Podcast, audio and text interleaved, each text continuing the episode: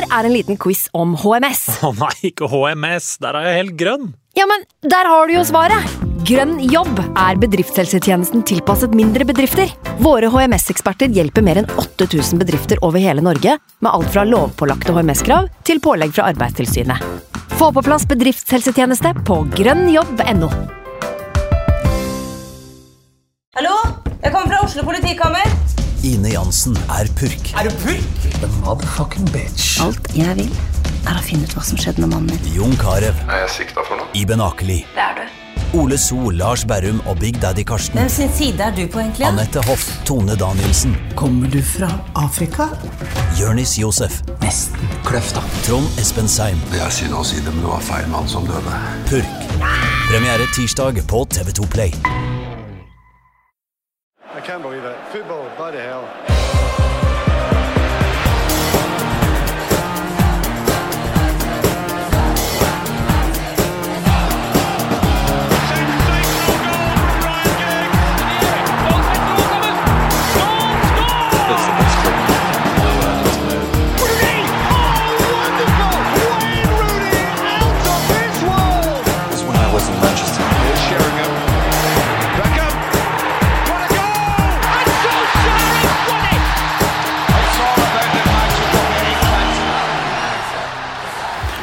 Og velkommen til United We podcast. I dag har jeg altså med meg TV-produsent Andreas Hedemann! Hei, hei. Hallo, godt å se deg. Takk det samme, du. Litt for lenge siden sist. Ja, nå er jeg så glad for å være her. Ja, Det er så godt å se ditt blide fjes. Eh, også Sindre Vian, journalist for United. NO, velkommen! Tusen hjertelig takk. For et energinivå. Akkurat passe lenge siden jeg har sett deg, føler jeg. Det er ikke så lenge siden du var med. Ja, det det var hyggelig. Ja, Det er ment for å være hyggelig. Det, er jo det, det skal være en kosestund, dette. Ja, Det er hyggelig å se deg igjen, Håken. Ja, takk for det. Eh, I dag har vi ganske stramt program. Det har blitt spilt tre kamper siden sist vi hadde podkast, fordi nå går det jo unna eh, i fotballen. Det er så mye kamper nå. Eh, så Derfor så skal vi gjennom Aset-kampen i dag. Everton-kampen og eh, Colchester-matchen som nettopp var. Eh, vi tenker vi tar det kronologisk, fordi det er lettest å følge med på. Så Vi begynner med eh, Europaligamatchen mot AZ eh, Alkmaar, som førte til at United vant gruppa si. Egentlig en litt klassisk sånn United mot litt dårlig lagkamp i starten. Første omgang sliter de litt med å score, rett og slett. Og så kommer det jo, når de først, liksom, når de først setter den, så eh, røyner det bare på, holdt jeg på å si. Da går nesten alt inn, virker det som. Um, første målet er det jo faktisk Ashley Young som skårer, husker dere det målet? Ja, helt nydelig. Ja, det var veldig bra. Helt utrolig fint. Koselig. Jeg ble veldig, veldig glad for det. Um, det, det, var litt sånn eh, Den utskjelte sønn Ja. som legger den i lengste der. Fra veldig sk skrå vinkel. Det er en veldig god avslutning. Veldig Først er det liksom noen fine kombinasjoner. Det er vel Pereira til Mata. eh, De utskjeltes scoring. Ja, det er det! Ja, ja, ja. Pereira til Mata til Young, skrå avslutning opp i nettaket. Klasseavslutning. Ja, kjempebra. Ja. Eh, Minner litt om det vi på en måte så av han altså i eh, siste sesongen til Ferguson. Litt sånn Ja. klinisk eh, Young. Mm. som han jo- 8-2-kampen Ja, mot å, Arsenal. fytti for noen skåringer, den kampen der. Da satt jo alt han gjorde, da. Kan, kan ikke vi snakke litt om den? Dele ut litt poeng. Å å ha hatt podkast på den tiden, tenkte jeg var deilig det da. Eh, og så eh, Etter det så er det, tar det bare fem minutter før Garner takler en assist. Eh, han gjenvinner ballen rundt 16-meteren. eh, gir den til Greenwood, og han kommer da med en av sine patenterte avslutninger. kan vi nesten kalle det nå. Lavt med venstre, helt nede i hjørnet. Uttagbart. Det er så nydelig, det. Ja, og han ser jo altså begynner, han ser jo ut som han er i sin prime nå. Greenwood. Ja, det er, helt, eh, det er flere som gjør det Ja. uh, i laget om dagen. Uh, vi skal sikkert tilbake til det, men dette er jo sesongen hvor Marcus Rashford for alvor har tatt steget. Uh, ja, Det kommer vi tilbake til. Ja. Eh, etter det er det straffespark, eh, Mata som skårer, Greenwood som ble felt. Og så skårer eh, Greenwood igjen, gitt. Har ballen inni i 16-meteren, trekker seg inn, eh, bruker venstrebeinet sitt, finner vinkelen, setter den helt ned i hjørnet igjen. Um, og du har ikke du en liten fun fact på det, Sindre? Du fortalte meg det rett utafor i stad. Ja, eh, da Greenwood eh, skårte eh, to mål i kampen mot Aset, så ble han den yngste United-spilleren som har skåret to mål i en europakamp. Ja. Og den rekorden, er det noen som vet hvem han tok den fra? Ok, nei. Vi har mye vi skal gjennom, så bare si det. Ja. Marcus Rashford. Ja. ja, ikke sant? Ja. Ja, men det er Det sånn- mm. Det er akkurat sånn det skal være. Jeg vet ikke, Har dere noe mer dere vil eh, legge til om Aset før vi rett og slett bare deler ut poeng? eller? Ja, altså For det første så er jo 4-0 back on the menu, da. Ja. Det er jo deilig. Det er deilig. var en periode der hvor vi bare vant 4-0 i alle kampene. Ja. Eh, la oss håpe at det blir sånn litt framover. Um, og så var det jo aldri noe spørsmål om vi kom til å slippe inn mål i denne kampen, for det var jo Romero som sto. Og da Ja. slipper vi jo ikke inn mål. Nei, sant Eh, så så det, var, det var gitt på forhånd. Alle som hadde betta both teams to score, det var en dårlig, dårlig bet, for ja. Romero slipper ikke inn mål. Eh, Men jo, jeg har en liten sånn tordentale å komme med, fordi vi snakket om eh, at det var de utskjeltes scoring, den første scoringen, og, og kanskje spesielt Andreas Pereira der, da, som gjør Ja. et C-moment eh, og kommer seg forbi på venstre og får lagt inn. Og Dag Langerød han leverte i en tidligere podkast her i studio denne høsten et sånt sånn sinna-innlegg, hvor han gikk ganske hardt ut uh, mot de som kritiserte Pereira da han kom på mot City. Fordi de, han, han sa han mente det ble helt feil fokus. Hallo, her driver vi og vinner mot City. Drit i å snakke ned Pereira. For det første, på vegne av meg selv og alle andre supportere, så forbeholder vi eh, oss retten til å kritisere alle enkeltspillere i Manchester United. Uansett, uansett hvem, Ja. uansett når. Ja. Det er det første. For det andre så byttes Pereira inn i den kampen. Han får umiddelbart et gult kort. Han sprer masse usikkerhet i hele laget og holder på å kaste bort hele kampen. for United. Ja. Det fortjener kritikk. Ja. Så da har jeg sagt lagt det der. Og Ja. så Dag, takk for innspillet. Det, det kommer ikke til å etterfølges. Nei. Ja, Ja, men, altså, du må huske at Dag Langerød ikke er til å forsvare seg. Eh, nei, det er sant. Eh, United eh, NO-redaktør Dag Langerød er ikke her i dag. Nei. Eh, men han har jo en, en, et nettsted som han kan bruke fritt. Så hvis han har en kommentar tilbake, fyr det på! Vi tar gjerne imot en liten debatt. Og når det er sagt, så betyr jo det andre veien nå, da. Hver gang Andreas Pereira gjør noe bra, så skal man være rundhåndet med å rose. Ikke Ja. sant? Eh, jeg er eh, helt enig i at Pereira ikke gjorde noen eh, kjempefigur. Han var, han var mer Pereira enn Pogba den kampen. Eh, men jeg syns fortsatt det ligger noe i det. Jeg er nok ikke like måte, tordnete i det som det Dag er, men eh, jeg ser på en måte poengene. At, Ja da, jeg et, det, altså. etter man har eh, eh, La oss eh, bare være ærlige på det, man er ikke et veldig godt lag for tida, Mm. men likevel drar til Etiad og vinner over City.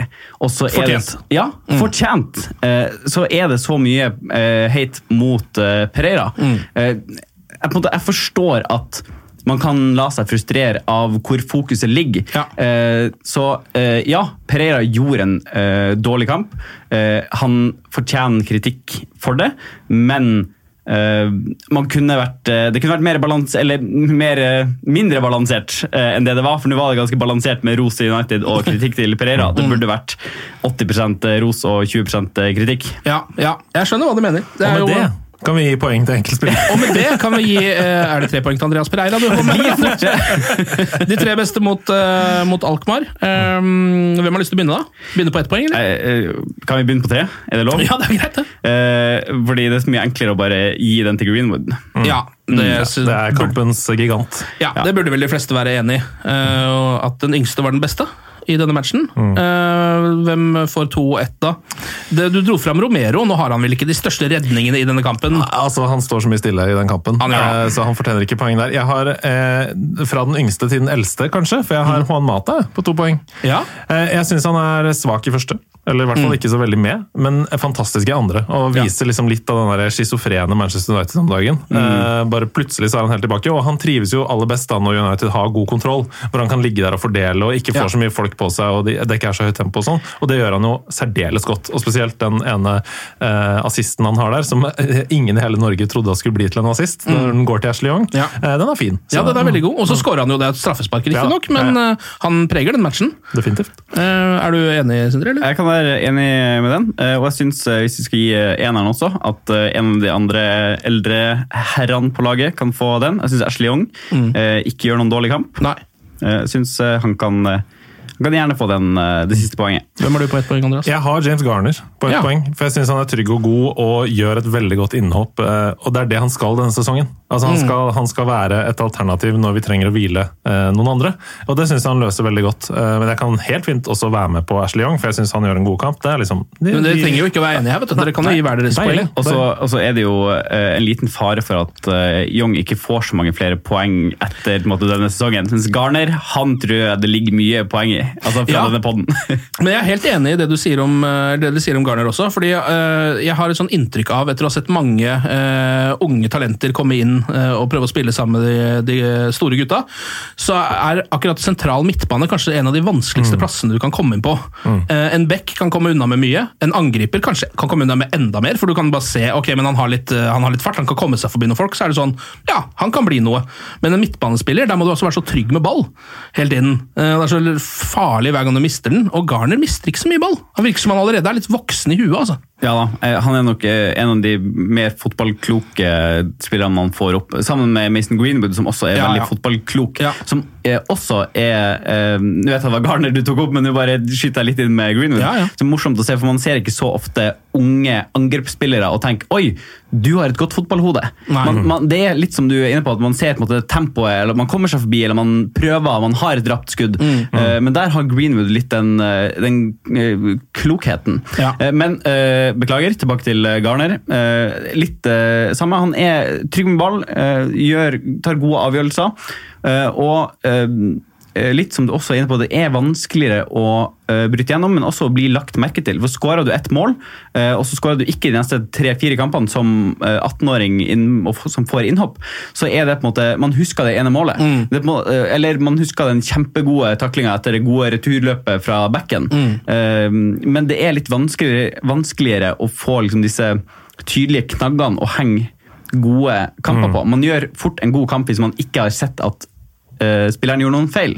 Ja, Det var vel Paul Scholes i sin tid som omtalte Michael Carrick som en Rolls-Royce på midtbanen. Som bare, som bare beveger seg rundt, og som ingen legger merke til. Men som er eh, eh, altså klasse, da, sånn som Rolls-Royce er. Eh, For ja, en spiller. Gjør ikke så mye ut av seg, men herregud, når det kommer under panseret, da er det høykvalitet. Ja, ja, ja. Eh, og det, bare for å avslutte den eh, praten om James Garner, så er jo noe av eh, grunnen til at han allerede ser så voksen og moden ut eh, og erfaren ut, da, at han har spilt utrolig mange fotballkamper allerede Ja, ja. i en så ung alder. Han har vært nesten fast på U, eh, alle U-lagene for United og testet seg mot noen av de største talentene i England. Eh, og da blir du trygg, da. For da har du på en måte møtt fantastiske fotballspillere hele veien. Ja. Eh, Så konklusjonen er da i hvert fall at Mason Greenwood var eh, banens beste da, eh, mot eh, AZ. Eh, Vi kan hoppe videre til eh, Everton-kampen i Premier League. Um, en match som jo da kommer på en måte altså sånn A- AZ-kampen um, blir på en måte ikke helt sånn med i rekka når man tenker på eh, Uniteds resultater. For her, jeg føler at United kommer inn til den Everton-kampen med seier mot Spurs og med seier mot City. Ikke sant? Det er det man tenker. Og så tenker man ok, nå kommer vel den gode gamle, nå blir det vanskelig mot et litt dårlig lag på hjemmebane igjen, da. Og så gjør jo det, da. Ja, eh, jeg tror litt som uh, Hedemann er inne på eh, tidligere, eh, bare et moment du snakka om i AZ-kampen, at eh, Mata fungerer godt når måte, tempoet er tilpassa litt han.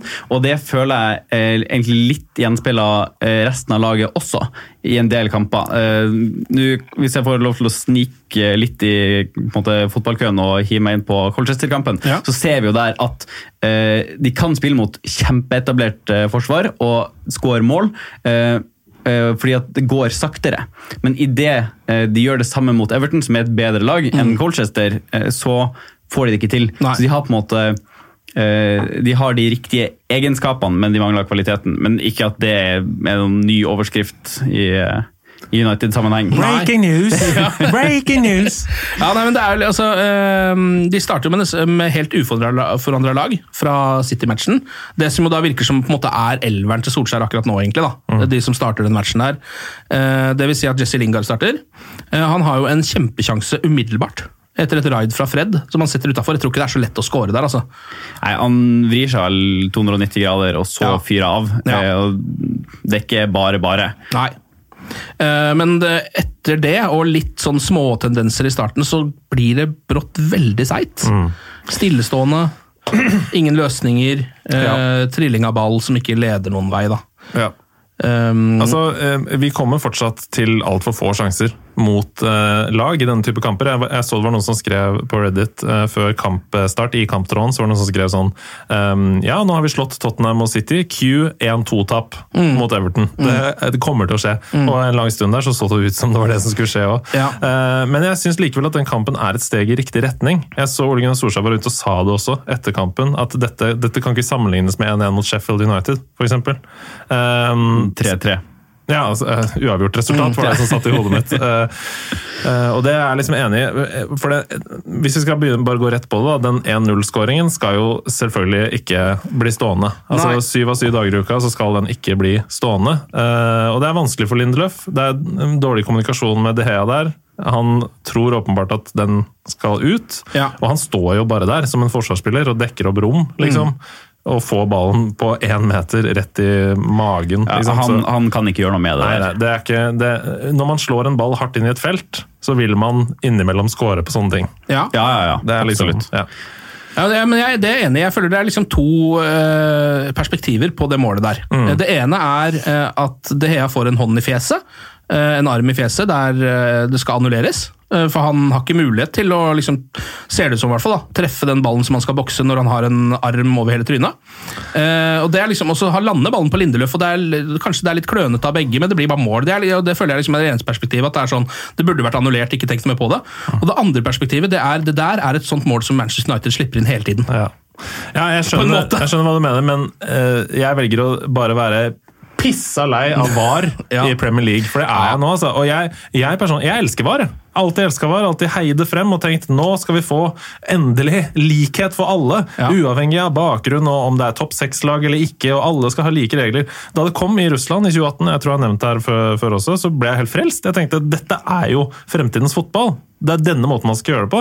Ikke bare blir det korrekte avgjørelser, det blir også en dobbel spenning. Sånn som når man kaster flagg inn på banen i NFL og skal ha liksom en check. Ja. Å, da, nå lurer jeg på om det står blir det? Jeg digger det, liksom. Det er en kjempekommersiell verdi, og annonsører kan slenge på sånn Hundai! Ja. Det, det er kjempemasse gøy som kan skje der. Eh, Men hvorfor har alle ligaer i verden ulik VAR-praksis? Ja, det er veldig rart. Det er et kjempeproblem. Ja. Ja, Hva eh, gjør man da i Champions League, da? Ja. Når engelske spillere er vant til én ting, og spanske er vant til en annen ting, og så møtes de en tredje ting i Champions League. Det er jo helt krise. Ja.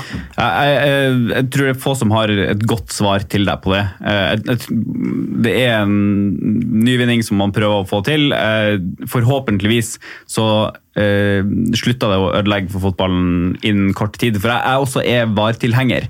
Uh, Syns det er en bra greie når det funker. Uh, eh, Men bare så det er sagt, jeg er helt enig. Eh, 100% enig i at eh, den skåringa til Everton skal annulleres. Men jeg tror det er et par keepere i eh, Premier League som hadde klart å bokse den Ja. uansett. Helt enig. Ja. eh, Det der er jo hans, altså, det er jo David Heas eh, svakeste område, er jo Ja. akkurat det der eh, feltspillet hans. ja, der er han mer David enn Goliat, Ja. kan man eh, trygt si. journalisten! Det er helt riktig. Og så er jo det, det. som er det veldig synd med det, er jo at kombinasjonen av det og to midtstoppere som heller et forsvar, da, generelt egentlig, som også er dårlig på dødballer. United slipper jo inn fryktelig mye dødballer. Synes jeg, eller Det blir liksom sjanser av det nesten hver gang motstanderen har dødball. så Om ikke de vinner første duellen, så blir det noe, kan Josh King stå og vippe ballen inn i 16-meteren en stund og score likevel. Og skåre på veldig få. Vi slipper inn på veldig mange dødballer og scorer på veldig få Ja. dødballer. Ja. Det er en god kombo. Det er veldig rart. I hvert fall når vi har liksom Harry Maguire i, i, som en av midtstopperne. Altså, vi burde jo faktisk ansatt Tony Pulis, bare som en del av trenerapparatet. Ja. Eh, og hatt ham som en sånn dødballmagiker. ja, det er ikke det dummeste jeg har hørt, fordi det er et, altså, det, Konsulent, liksom. ja, ja, ja. Husker, bare husk liksom på, Nå begynner det å bli lenge siden fotball-VM, men bare, da, altså, Harry Maguire vant 100 av 100 dueller han, inne i 16-meteren i det fotball-VM-et der. Eh, for Manchester United så har han ennå ikke liksom, uh, verken vært i nærheten av å score, han har, eller i nærheten har han vært mot Colchester, så hadde han en stor sjanse. Når skal han Ja, skåre?! når skal han score på de dødballene, og når skal han bare liksom klare å rydde opp en dødball mot òg, da? Det er eh, fryktelig irriterende. Veldig. Eh, men United eh, virker som de har én plan, egentlig mot Everton i starten der, og det er å spille langt. Spille mye lange baller. Uh, McTominay har et nydelig gjennomspill til Daniel James, som setter han utafor. Lindeløf har en helt, altså en Pirlo-pasning til Rashford, som er helt uh, glimrende. Høy, høy klasse. Jeg har ikke sett det av Lindeløf så mye, så det var veldig godt å se. Veldig deilig, for det er det veldig. som er rollen hans. Ja. Ikke, altså Han er først og fremst en forsvarer, Jo, jo. men han er en spillende forsvarer. da. Det er Ja, det han skal være. og det så- var også argumentet som ble brukt da han ble henta til klubben. Ja. Så det er jo deilig å si at det faktisk ligger i han. Ja, Eh, Men når de ikke liksom får det der til å funke, da, de har et par sjanser på langpasninger, så jeg skjønner litt at de prøver å fortsette med det resten av første omgang også. Får det ikke helt til. Og så finnes det liksom ikke noe plan B, da. Og Det er jo kanskje det man ser på Manchester United, at de har liksom eller Jeg har i hvert fall følelsen av det under Solskjær nå, at de har ofte én kampplan. Den fungerer, så vinner de mot hvem det måtte være. Hvis det må over på noe plan B, så fins liksom ikke den. Jeg syns det er litt urettferdig nå, fordi jeg syns at uh, faktisk hele teamet da, Jeg er veldig opptatt av å si det. Uh, Sebastian Brunestad, som det ofte går utover når han sier 'fuck Solskjær' i vår chat, så sier jeg dette er et team. Dette er et team som tar avgjørelser sammen. Nei, uh, jeg syns de har vært flinke til å nulle ut taktikk underveis i de siste kampene, og spesielt i toppkamper. Mot City eksempel, så la de om og tok av hele presset på et tidspunkt. Og mot Tottenham også. Nulla ut i andre omgang. Veldig gode eh, strategiske, taktiske avgjørelser. Så jeg syns de har blitt bedre på det. Um, vi ser fremgang i hele Manchester United. Men det her er defensive endringer da, du snakker om nå.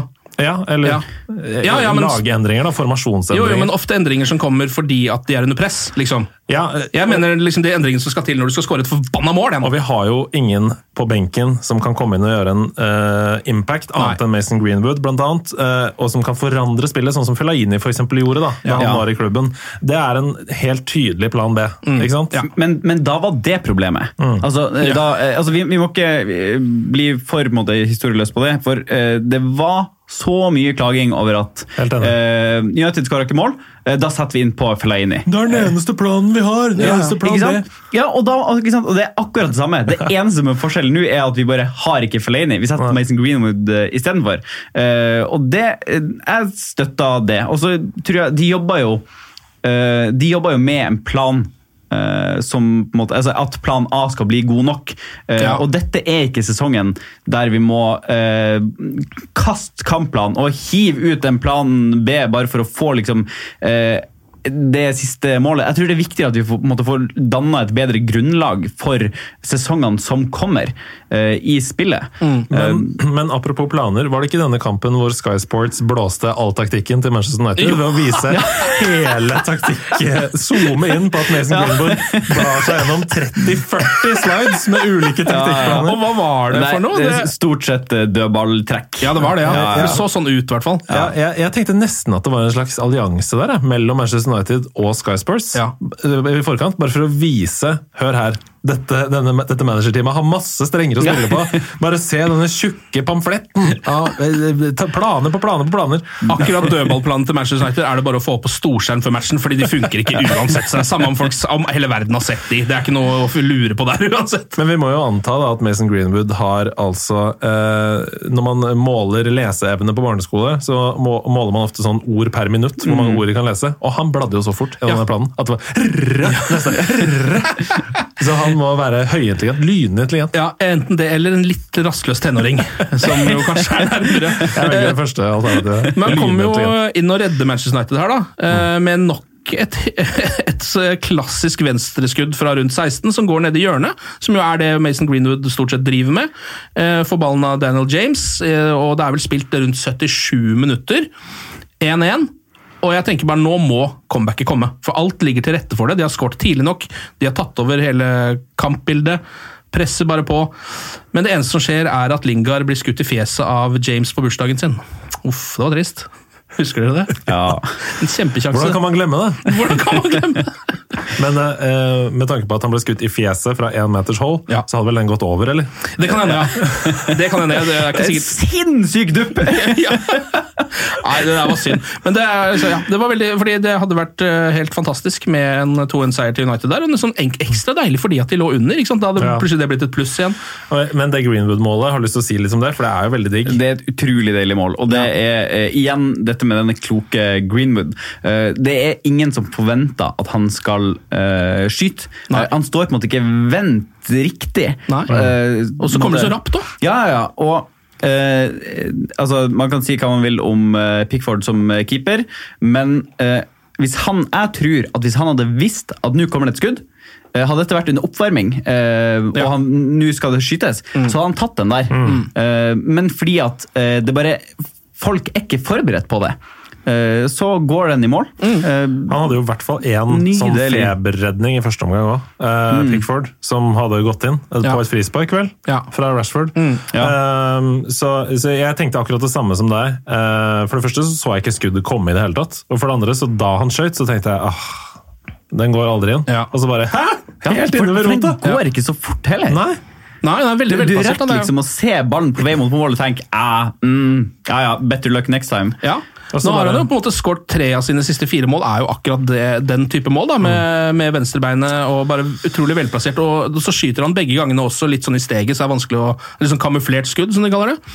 Jeg tenker Solskjær er veldig stolt over de avslutningene. Det er, eh, Ja, og jeg kjenner litt at jeg er det sjæl, altså. Ja, jeg også. For Eh, en mann, eller for en gutt. Ja, så snart. veldig, veldig digg. Bare tenk deg når han blir mann. Han kommer til å koste 200 millioner pund eh, om noen få år. Mm. Ja, men han har jo, altså som spiss, da, når du allerede har det der Vi har så vidt snakka om det tidligere òg, men uh, det er jo på en måte den ene tingen som en ung spiss ikke pleier å ha.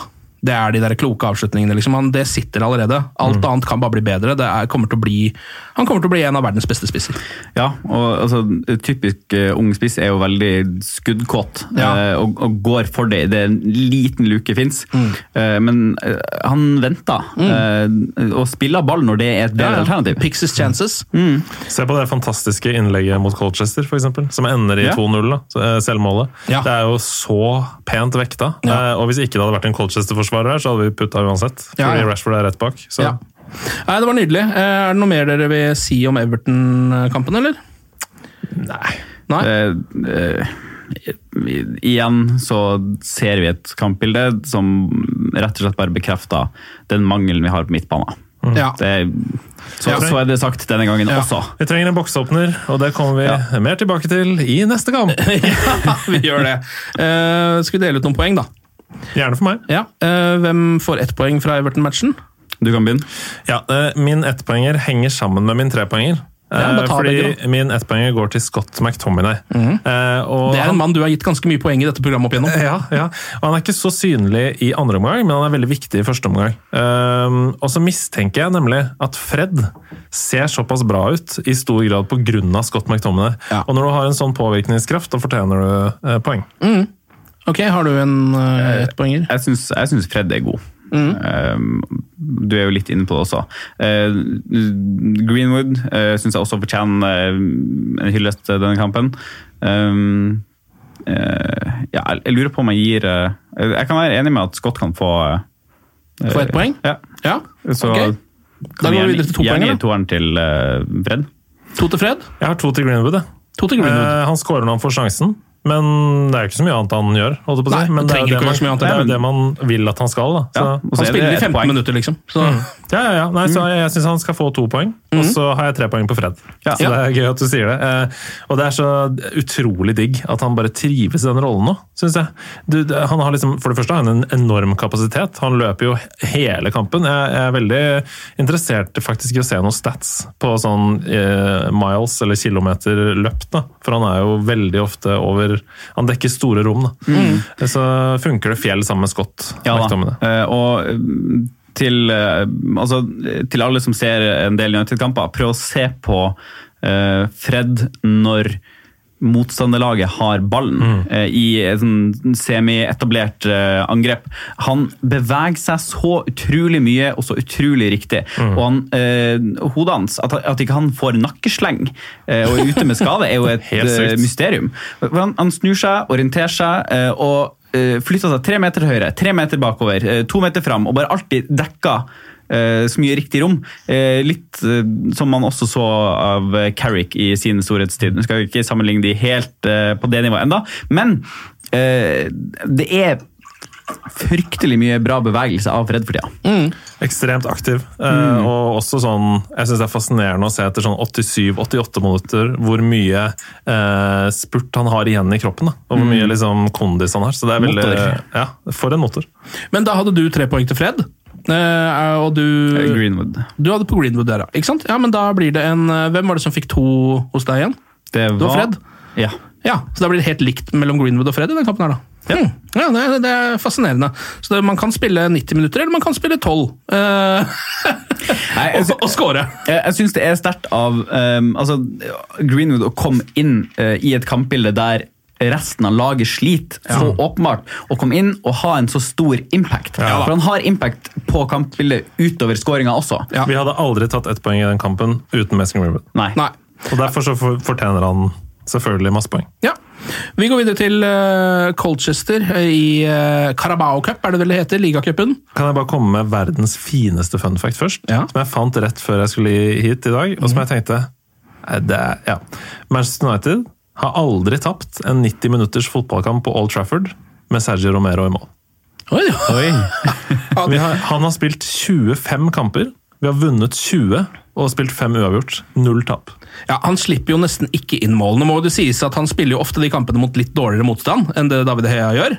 Men det Eh, er fortsatt en helt insane stat! Ja, det er helt vilt. Jeg har aldri tapt på Old Trafford! Nei. Med Romero i Og mål! jeg kjenner meg også, og det er jo litt rart, men jeg kjenner meg jo tryggere nesten når noen alene med keeper med Romero. Altså, han slipper, det, det, Ballen suger seg bare til fanden hans. Det er fordi det virker som han driter i det. Ja. Han bare, ty han bare tygger litt tyggis og går ut og redder ballen. han må jo åpenbart drite litt i noe, fordi han er jo en, en reservekeeper eh, på delvis verdensklassenivå. Så Mm. han kunne, jo, han, kunne jo ha, han kunne jo ha stått fast for liksom eh, en, ganske mange topplag rundt i Europa. Jeg bare håper så veldig da, at alle som hører på, og alle som ser United, uansett om de hører på United på podcast, eh, setter så pris på Sergio Romero, for han er så mye viktigere enn det folk tror. Og jeg Ja. håper skikkelig at den dagen han slutter, så får han en testimonial. Det må han nesten få. Fordi eh, sånne klubbspillere som det der, som bare eh, godtar, og han sa det på en pressekonferanse også før, godtar, det er tøft å, å sitte som et desidert andrevalg, men jeg elsker Manchester United. Åh! Ja. Åh! Snakk også, mer! Snakk også, mer om deg, Romero! Og så er Han virker jo også som en veldig sympatisk fyr. Ja, ja. Alltid eh, blid og har veldig koselig fjes, syns jeg. Nei, Jeg tror han er viktig for garderoben. Jeg tror han er viktig for eh, de unge keeperne også som kommer opp. Det virker som han alltid har gått vare på dem. Eh, Pereira var ute og sa det, at han har vært viktig. Eh, ja. Ja, og så er han på en måte ikke Han er ikke like eh, reflekssterk som det De Gea er, Nei. men, men han, han er fortsatt trygg. Eh, så han, han, det sier jo noe om ja, plasseringsevnen for det var akkurat det jeg skulle si. Ikke like god på refleks, men veldig god på plassering. Ja. Eh, jeg tror nok dessverre du blir skuffa når han ikke får en testimonial-kamp, for du må vel ha vært i en klubb i ti år Ja da. før eh, Statue, Dessverre. Statue, da. Ja. Statue, da. Der er det ikke noen regler. Eh, ok, Kan sette han oppå Trinity utafor Old Trafford. Ja, okay. Kanskje litt bak? Eller litt mindre litt bak? Litt mindre litt bak. ja. De kan holde en liten figur av han. Ja, det er hyggelig!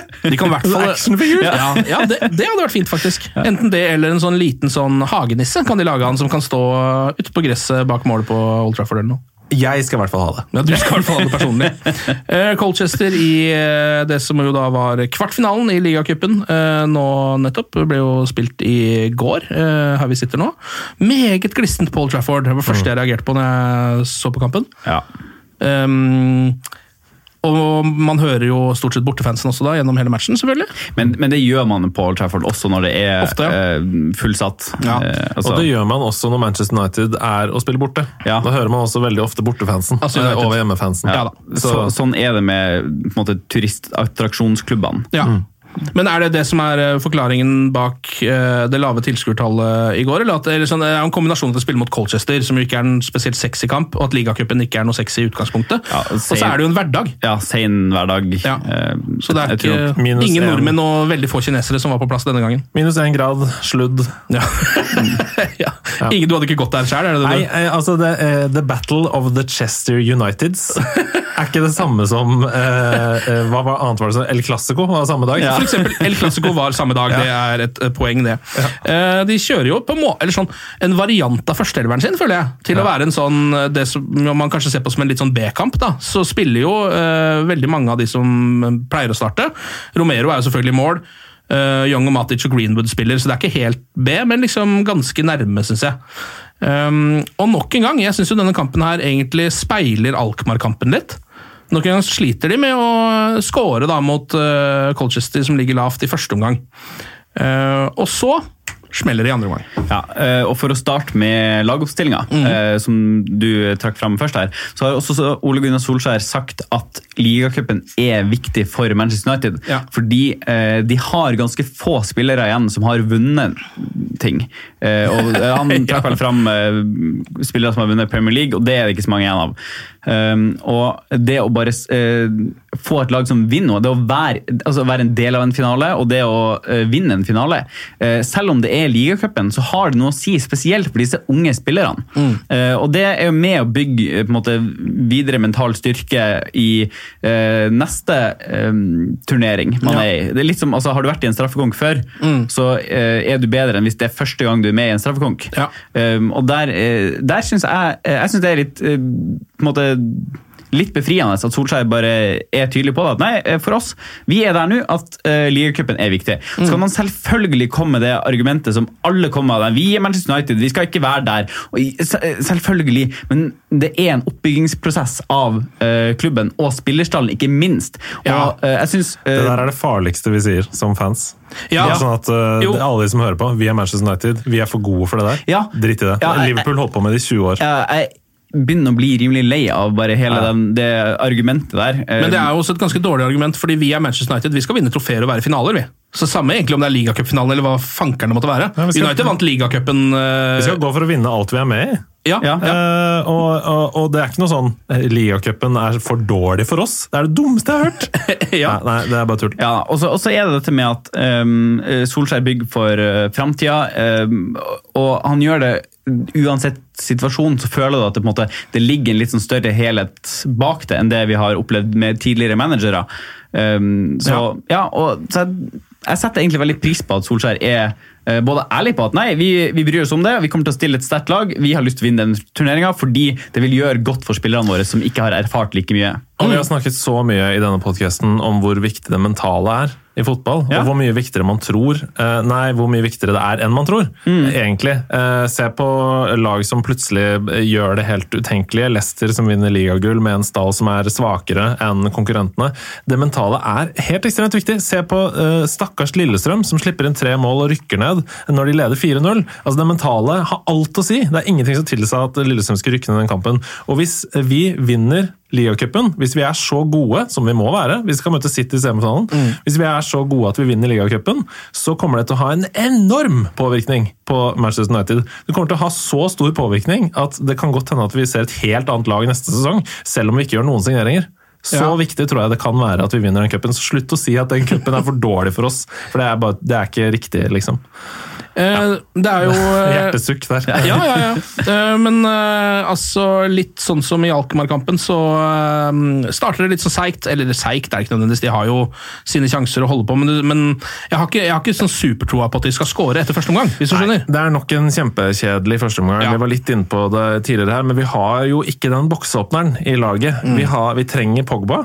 Eh, Eller en Pogba-aktig spiller som kan låse opp lag som ligger lavt med eh, krumspring. Litt sånn som, hold dere fast, Pereira gjør når han vipper over hele eh, bakre fireren, Mm. Ja. og Rashford bommer på ballen. Ja. Eh, som alle tror er offside, men som ikke er offside. Men den kreativiteten der, og den litt annerledesheten, det er det vi trenger. Eh, I første omgang der så står vi og spiller håndball rundt 16-meteren. Eh, og, og vi kommer oss gang på gang frem til nest siste ledd, men ikke lenger. Det stopper hos eh, nest uh, sistemann. Ja, og det er jo på en måte litt sånn som det har vært for United noen ganger når det skjer, så er det liksom løsningen til slutt. Det som gjør at de kommer seg ut av eh, den gjørma, det er en langpasning. Denne gangen er det fra Matic til Rashford. Han er eh, rask og kald og dødelig i samme moment. Og hvem er det som sørger for at vi scorer der?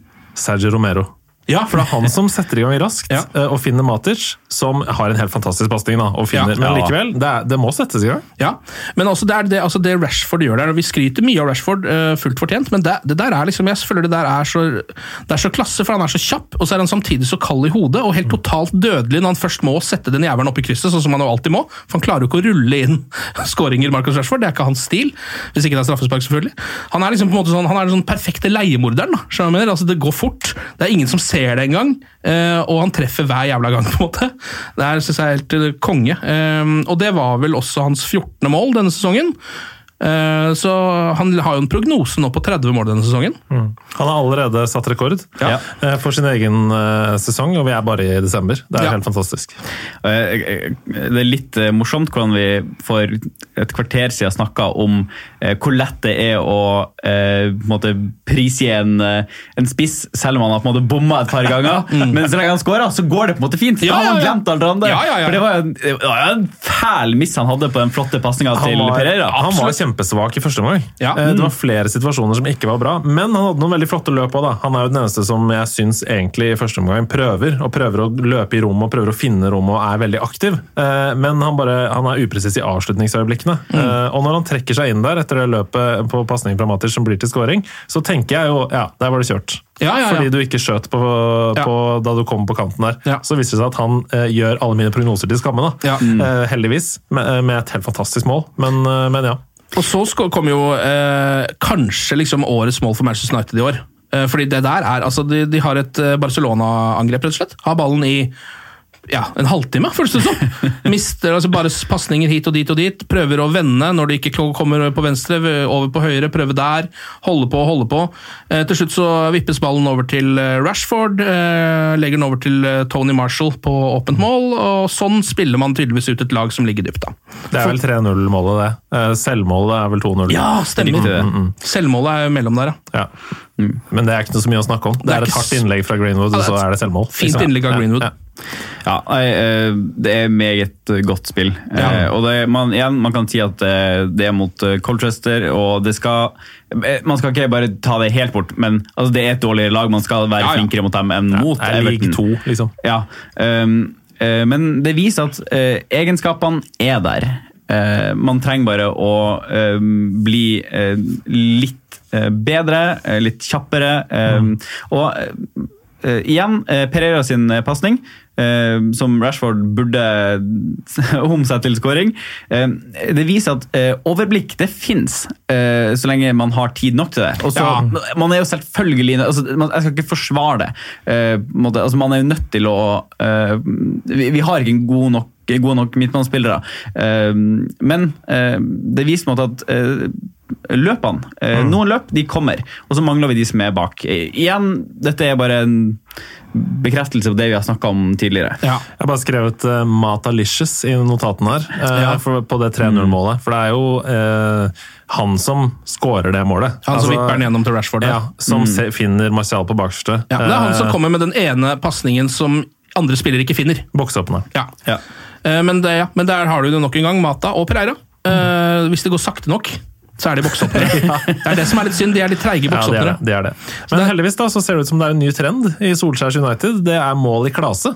Det er vi veldig fornøyd med. Ja. Det er tre mål på ti minutter mot, i denne kampen, Ja. og så er det fire på elleve mot AC. Ja.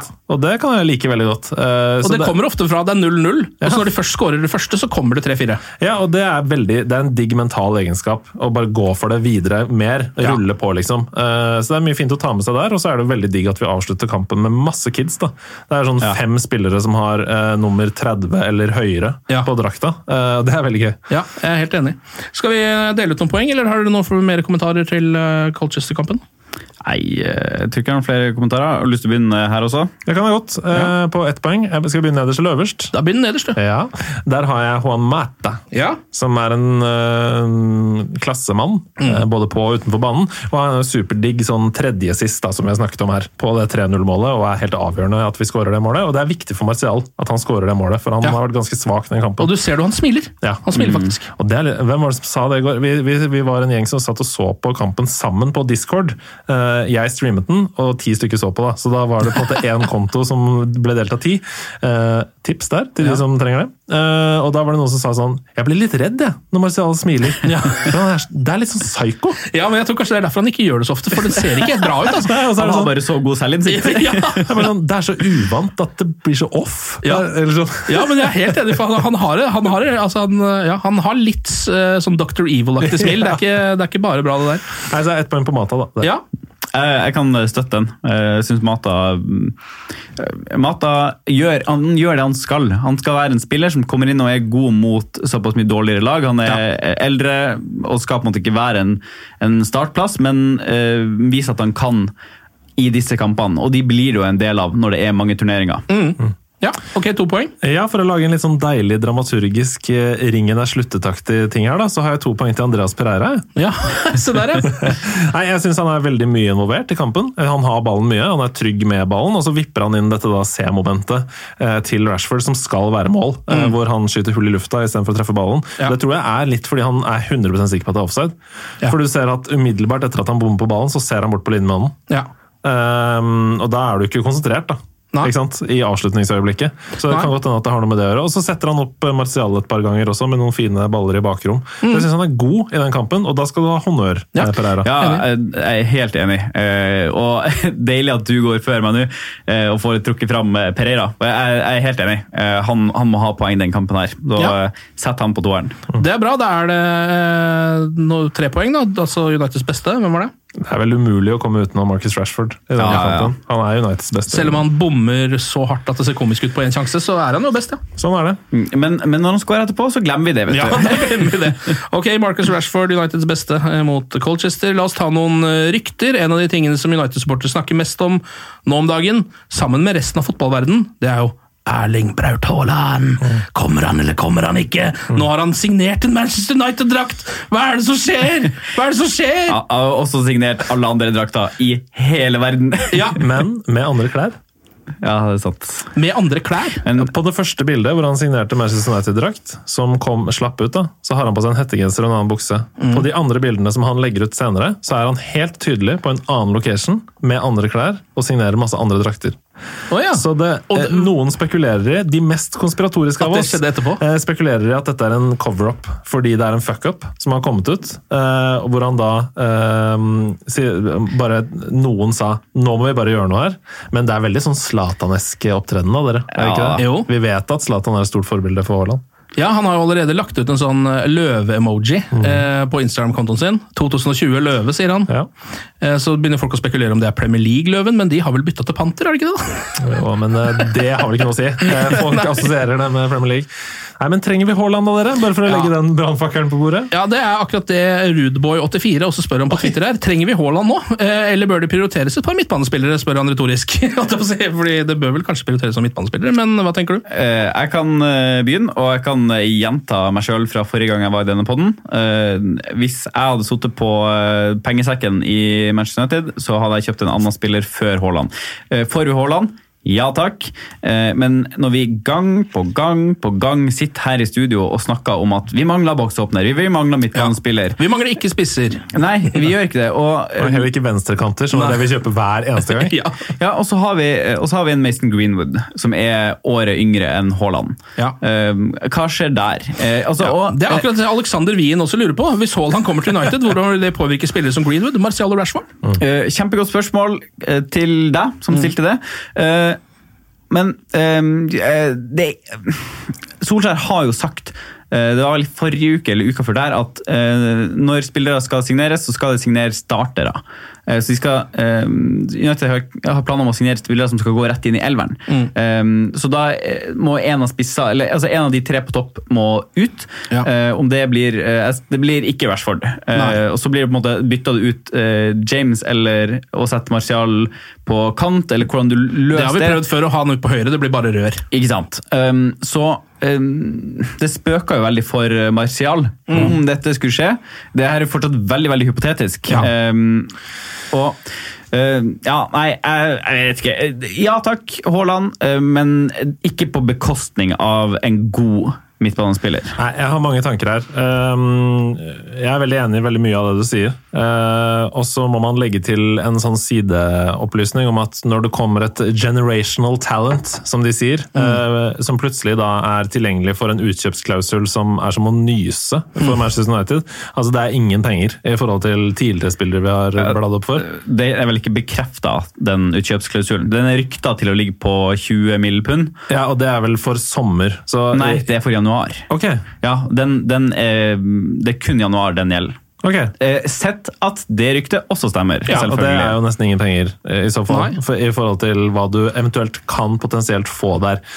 Eh, Så når, du, når det en gang, for en gangs skyld kommer et sånn generational talent forbi, som man har muligheten til å plukke, og man vet at manageren har en, det er han som har gjort han basically til det han er, mener mange, eh, og kommunikasjonen der er perfekt, og alt er liksom sånn, så bør man kanskje bare slå til, fordi eh, nedsiden, altså det er så lite nedside, Ja. samme hva det er som kan skje. Det er det ene. Eh, Men for meg så er det jo Unnskyld språket, helt jævlig irriterende da, at eh, Liverpool signerer Minamino, som kanskje er en spiller som vi enda mer hadde trengt Ja. i Manchester United. Makkeren til Haaland. Ja, eh, eh, og mye mer skapende, mye mer nest sist på ballen, Ja. kreativ. Og så går han til fuckings Liverpool, bare for å liksom forsterke kanskje en av verdens beste angrepsrekker. Jeg blir så forbanna. Det er, Ja, men det, det er går- han vi bør signere. Ja, ja kanskje det. Men altså, det, det må jo Men, men Ja.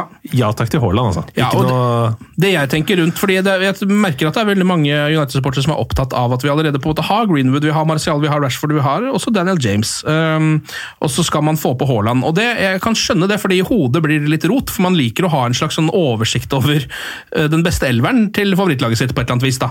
Men um, det jeg tror man kanskje glemmer litt, er sånn som eksempel, husker det, jeg husker da United signerte Carlos Tevez, så var det litt det samme. bare sånn, Men herregud, vi har jo allerede Ronaldo der, og Rooney der, eh, og vi har jo ikke plass til TV, så Hvor skal han spille, liksom? Eh, Hva, hvorfor skal vi ha han inn der? Jo, for å vinne Champions League. For det er det man gjør når man plutselig har eh, fire klassespillere på topp, og ikke bare to. Så jeg, har, altså, sånn, jeg, jeg tror det blir altså, vil være for dumt å si nei fordi vi f.eks. nå har Martial. Ja, vi har han der akkurat nå. Det er ikke sikkert vi har han neste sesong engang. Kanskje ikke sesongen etter det. Det kan hende han ikke blir så god som han trodde. Her er de har flere hester å spille på, da. Ja, eh, og, ehm, eh, og jeg er ikke uenig i det du sier. Eh, Igjen så hadde jeg en leddsetning tilbake. Haaland, Ja, takk. helt fint, eh, så lenge det ikke går på bekostning Ja. av eh, en eh, ny midtbanespiller. ehm, Ja. Eller to. Og det kan, du... ja. Nesten uansett hva som skjer, så kommer han til å koste ti ganger så mye neste gang vi eventuelt ønsker å signere. Det er litt det. Nå, er- det, det her er vel på en måte Det er ikke mine penger, jeg driter i det. Men, uh, Ja. men det går utover andre signeringer. da. Det blir Ja. mindre rom for andre hvis vi må betale 200 istedenfor 20. Ja, og hvis han ender opp med å gå til eh, en mellomstor klubb, da, som jo kanskje mange tror, eh, Leipzig eksempel, som er blant favorittene der. De og Borussia Dortmund er vel Ja. ganske hardt linka. Han var visstnok, og så deres De spilte mot hverandre. Mm. han var ny, ny, En fantastisk 3-3-match. Ja, altså han, han var visstnok på tribuner og, så, og har vært eh, på treningsanleggene deres eh, denne uka her. De har jo vinterpause Ja. i eh, den østerrikske ligaen. Så han prøvde å finne ut om han skulle danke ut liksom Paco Alcacer eller Timo Werner. på en måte. Jeg håper ikke han dro rett derfra til første omgang mot Colchester. Nei, oi, da, blir det, da tror jeg ikke det blir snudd Da i døra. da blir det ikke United, gitt. Eh, Litt sånn glisne tribuner og ikke noe kreativ. Det kommer, kommer ikke noen pasninger til han. Eh, og så er det jo også eh, eh, han godeste Samuel Luckhurst i Manchester Evening News, som er på en måte deres ledende mann på Manchester United-relatert stoff. Eh, han har nevnt at eh, etter det han har forstått, så kommer ikke eh, Haaland til eh, Han kan godt kjøpes i januar, men da eh, skal han lånes tilbake og fullføre sesongen i, eh, Ja. i Østerrike. men det er jo ikke så dum deal. Og det var jo sånn Ja. Molde gjorde òg. Han Ja fullførte jo Eliteserien før han gikk, selv om han ble solgt da, i det vinduet. Eh, men dere, bare for å være litt eh, idiotnordmenn, som jo er det vi er Vi sitter her ja. er tre idiotiske nordmenn. Ja. Tenk å ha manageren og førstevalget på spissplass i Manchester United som nordmenn. Ja, Det er jo helt sjukt! Ja, er ikke det helt sjukt? Det Jo, blir, det- som om, det blir som om eh, under det tittelvinnende laget i liksom 96 så skulle spissen vært jeg vet ikke, Jan Åge Fjørtoft, og manageren vært Egil Drillo Olsen. ja. Det det, blir sjukt. Ja, nei, men det blir jo Det, det er veldig spesielt. Jeg kjenner jo at jeg liksom eh, er litt gira på det. Nå, vet, nå er det vanskelig å si med Haaland. Jeg har bare sett han i sånn tre-fire kamper. Han har vært helt outstanding i tre av de, og så var den siste mot Liverpool hvor han var svak. Direkte svak, liksom. Skada. Ja, småskade, jeg vet ikke, men eh, ja. Eh, men Du, jeg, du ser ut som du brenner ennå mye her. Ja, Ikke for å være han superkjipe som bare liksom river ned engasjementet. Jeg, jeg tror nok at jeg også syns det er veldig fett at Solskjær er norsk, og at Haaland er norsk, og Linkes United og hele den pakka der. Men uh, det, er nok, det er nok litt subjektivt eh, at, uh, han er første, eller at de to er førstevalgene i eh, Manchester United på en måte for oss eh, supportere. Jeg tror ikke at en del ute i verden som eh, ikke nødvendigvis syns at det er det riktige valget. Ja, det kan stemme. Eh, ja. Nei da, nei, men det er jeg helt enig i. Jeg bare sier at å sitte som nordmann og sitte og se på eh, f.eks. Manchester United mot PSG i Champions League 2020-2021, og det er Erling Braut Haaland som starter som spiss, og Ole Gunnar Solskjær på managerbenken, er ganske fett. Ja, det, det er ganske fett. Jeg skal, jeg skal ikke si noe annet. kan ta noen andre rykter også. Ashley Young er vel tydeligvis på vei eh, bort fra United, virker det som. Helt greit. Uh, ja. Gi mannen en liten byste, kanskje? ja. Inne på et kontor eller noe sånt? Actionfigur igjen, kanskje? Nei, byste. Byste denne gang. Eh, Det er jo Chris Wheeler som skriver om det her, Daily Mail sin United-mann. eh, At han kanskje også kan forsvinne nå allerede i januar. Ja, det Det virker jo litt fort for meg. Ja, det er for tidlig. Jeg, jeg også syns det er litt for tidlig. Um, For det første så må du jo da eh, kjøpe eller hente inn en, eller hente opp fra yngre rekker. En Det er Williams, bekk. da. Det er Williams Ja, men Williams er jo på en måte der allerede. Ja, og Da har du Williams og Shaw, og så har du Dalot og Ja, for nå er jo Dalot uh, tilbake igjen. Han var uh, vurdert til Colchester-kampen. Har han vært skada siden sist han spilte? ja. Er det det han har? Ja, Han, ja, han, han, Å, skadet. Og han, var, han var ikke briljant, men han var ikke dårlig før han ble skada heller. Nei, ikke, I hvert fall ikke og, i diamantformasjonen. Nei, spiller og, eh, altså, offan- altså, defensivt så kan han selvfølgelig ikke utfordre uh, Fambisaka, men offensivt så tror jeg Dalot kan eh, Altså, i kamper der United skal Um, eh, angripe uh, mer, jakte en scoring uh, i, i sluttminuttene. Det å ta ut Fambisaka og sette på Dalot kan være vel så effektivt som det å ta ut en av de angrepsspillerne og sette Ja. på eh, Greenwood igjen. Ja. Ja, men Se for dere det scenarioet. Da Da begynner vi å snakke om plan B igjen. ikke sant? Å sette på Dalot og Greenwood. Da har du plutselig en helt eh, Da Ja. kaster du alle ballene opp i lufta, og så Ja. har du en helt, et helt annet lag. Ja. Ja, ja, spesielt altså, ved at de ofte begge vil være på høyresida. At du får på en måte endra momentet i kampen. Ja. Mot Potensielt. En, mot en sliten bekk på motstanderlaget der. Ja. Hei. Det var litt deilig. Og- Det er veldig bra. Jeg hadde nesten glemt Diogo Dalot, det må jeg faktisk innrømme. Selv om jeg tenker på Manchester United eh, altså 99% av døgnet, så hadde jeg glemt fyren. Litt som at vi hadde glemt Ashley Young for to-tre sesonger siden. Ja. Husker du det? Da han plutselig bare kom tilbake. Og Ja, ja. stemmer det! Vi har Ashley Young i laget. Stemmer det. Og nå skal han spille hver kamp igjen. Ja, ja. Eh, Matic eh, forsvinner kanskje også. Eh, det blir vel sannsynligvis etter sesongen, vil jeg tro. Ja, Det ryktes jo eh, fra italienske journalister, som stort sett eh, er mm, så som så. Eh, Ja. ja, men altså, Kaster du 500 dartpiller, så treffer én av de bullseye. Ja, ja. Eh, men det ryktes jo også at han muligens drar i eh, januar, og det Ja, okay. er vel Inter som eh, Overraskende. ligger høyest eh, an. Ja. Som er det stedet United dumper alle spillerne sine. Ja. plutselig. Og som er også det jeg, hvis jeg var journalist uten noe som helst peiling, som ville ha litt klikktall på Twitter, ville ha lagt ut, selvfølgelig. Eh, Fordi det er, du har litt, det er ikke umulig at det stemmer, og alle vil tenke sånn Selvfølgelig skal alle United-spillere bare lånes ut til Inter, eller selges dit. Eh, Men eh, Matic sin tid i United er jo over. Yes, nå drar vi. Takk skal du ha Ja. for en god sesong. Ha det bra. Snakkes aldri. Ja, sånn var det rett og slett, altså. Veldig glad for ham da han kom. Var veldig veldig viktig denne sesongen. Det var Ja. grunnen til at vi kom på andreplass. Ja. I, I hvert fall én av grunnene. Og han hadde også, Da var han jo en veldig veldig viktig spiller, og hadde fortsatt uh, litt mer tempo i beina enn det han har akkurat nå. Han har liksom på en måte akkurat eh, ja, Hans tid er vel litt over i Premier League, tror jeg. Det kan godt hende han kan uh, gjøre det bra i Serie A. Litt lavere tempo osv. Ja, Der tror jeg du er inne på noe. Ja. Uh, og Jeg husker veldig godt da han kom. Uh, for det, var, det sto, Slik det var på en måte lagt fram i media da, så sto det visstnok mellom han og Erik Dyer. Eh, og jeg var veldig pro Dyer, så jeg husker jeg var litt skuffa da det ble Matic. Men eh, den første sesongen hans var god. Kjempegod. Ja. Han dominerte jo midten. Det hadde vært irriterende å ha Erik Dyer på laget nå. Synes jeg. Uh, fordi han hadde, kunne man ikke bare solgt til Inter. Han er fortsatt for ung, og så er han ikke god nok.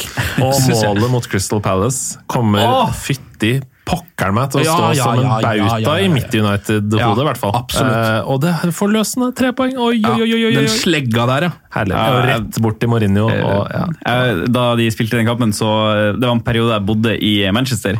Eh, og jeg fikk ikke billetter til bortekampen, eh, så jeg så den på liksom, den lokale United-puben min. Eh, og eh, det var altså så amper stemning den kampen. For de som husker den, så var det jo en ordentlig ræva kamp i starten. Ja. Lå under 2-0 der. Og da den skåringa kom, så var det altså så mye Guinness i lufta!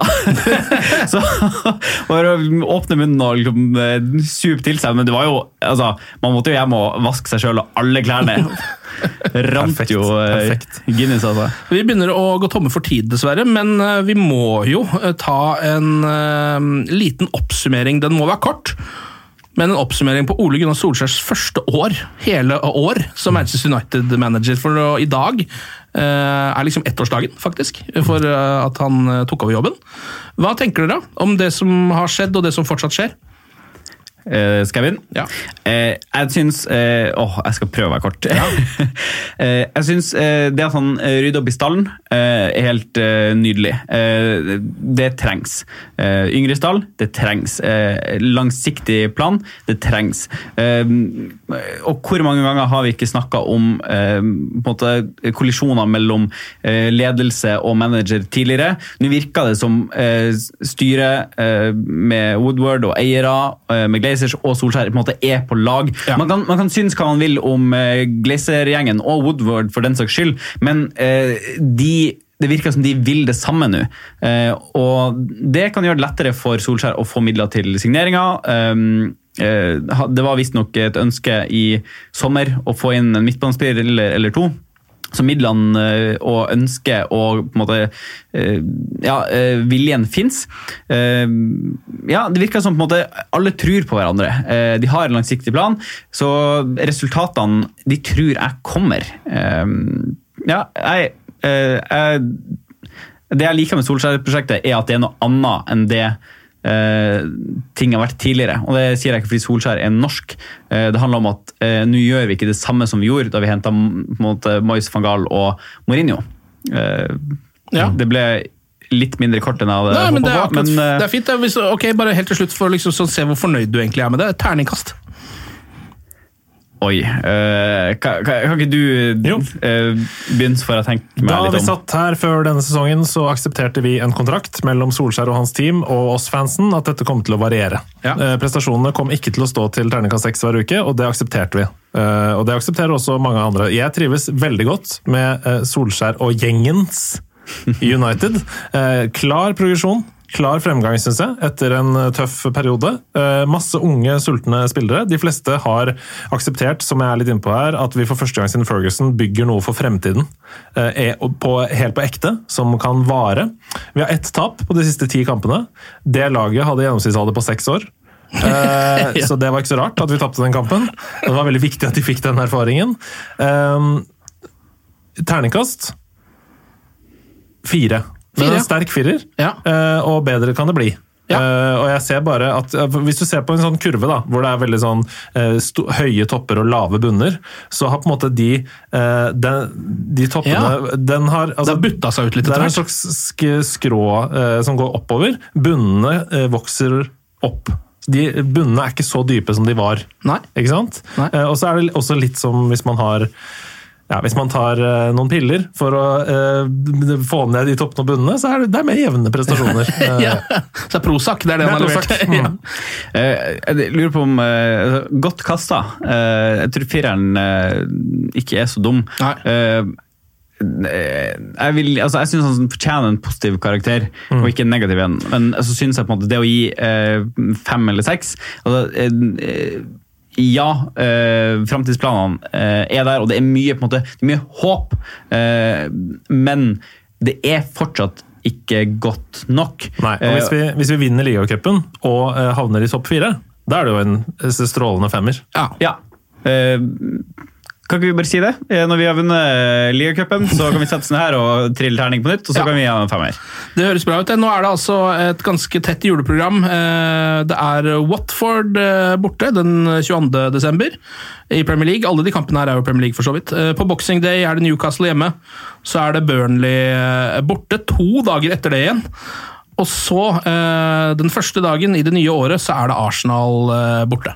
Så eh, vi tar en liten juleferie nå. Prøver å kanskje stikke innom og lage en liten podkast oppi alle julestria, men vi får se om vi får det til. Det er ikke så praktisk enkelt alltid. Nei, eh, Hvis vi får det til, så er det kjempehyggelig. Hvis ikke, så får vi mange kamper å snakke om Ja, når det nye året kommer. Kos dere med julefotballen. Eh, god jul, godt nyttår. God jul, alle sammen. Eh, ønsk dere Braut Haaland under treet. Ja, ja, gjør det. Ok, vi snakkes. Glory, glory. Ha det godt.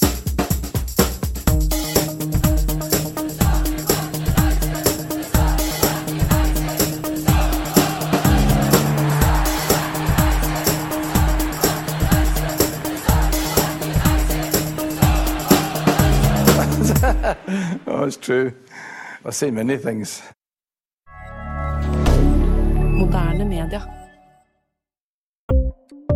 Ukens annonsør det er matkasseleverandøren Hello Fresh. Der kan du velge mellom 25 ulike oppskrifter hver uke, eller få Hello Fresh til å sette sammen en meny for deg.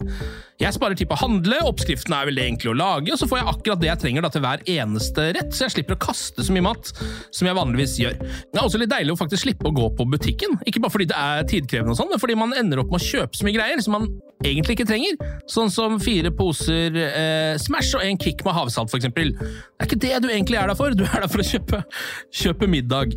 Så det er en veldig eh, kjekk ting. I tillegg så er det jo eh, ferdigporsjonerte ingredienser, det blir mindre matsvinn, og du betaler bare for det du faktisk trenger, og det du faktisk da spiser. I tillegg så blir det da levert på døra eh, til et fastsatt tidspunkt, sånn at du kan få det akkurat når det passer for deg eh, sjæl. Hvis HelloFresh høres ut som noe for deg, så har jeg en rabattkode du kan bruke også. Gå inn på hellofresh.no og bruk koden HelloUnited24. HelloUnited i ett ord, også 24, og få opptil 1779 kroner i rabatt på de fem første matkassene dine hvis du ikke har prøvd HelloFresh ennå. Du kan også bruke koden hvis du tidligere har vært kunde, men har stoppa abonnementet ditt for tolv måneder siden eller mer. Det er ingen bindingstid, og du kan pause eller avslutte abonnementet ditt akkurat når du selv måtte ønske. Husk koden HelloUnited24, og bon appétit! Ukens annonsør er Folio, en smartere banktjeneste for deg som har en egen bedrift eller ønsker å starte for deg selv. Folio er en superenkel nettbank for bedrifter.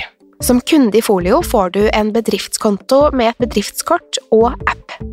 I denne appen er det smarte løsninger som forenkler regnskapet ditt, uansett om du har en liten bedrift eller et enkeltpersonsforetak. Folio er både intuitivt og brukervennlig, og er laget med et enkelt språk. I tillegg tilbyr de forutsigbare priser og ingen skjulte gebyrer. Skulle du likevel trenge det, så kan du snakke med deres raske og hyggelige kundeservice, og der får du prate med en faktisk person og ikke en chatbot. Folio er med andre ord både enklere og koseligere enn banken. Over 10 000 bedrifter har allerede valgt Folio som sin banktjeneste, så besøk folio.no og se hvordan Folio kan forenkle din hverdag også. Har du et enkeltpersonforetak eller en liten bedrift? Da er du sikkert lei av å høre meg snakke om hvor enkelt det er med kvitteringer og bilag i fiken, så vi eh, gir oss her, vi. Fordi vi liker enkelt. Fiken superenkelt regnskap.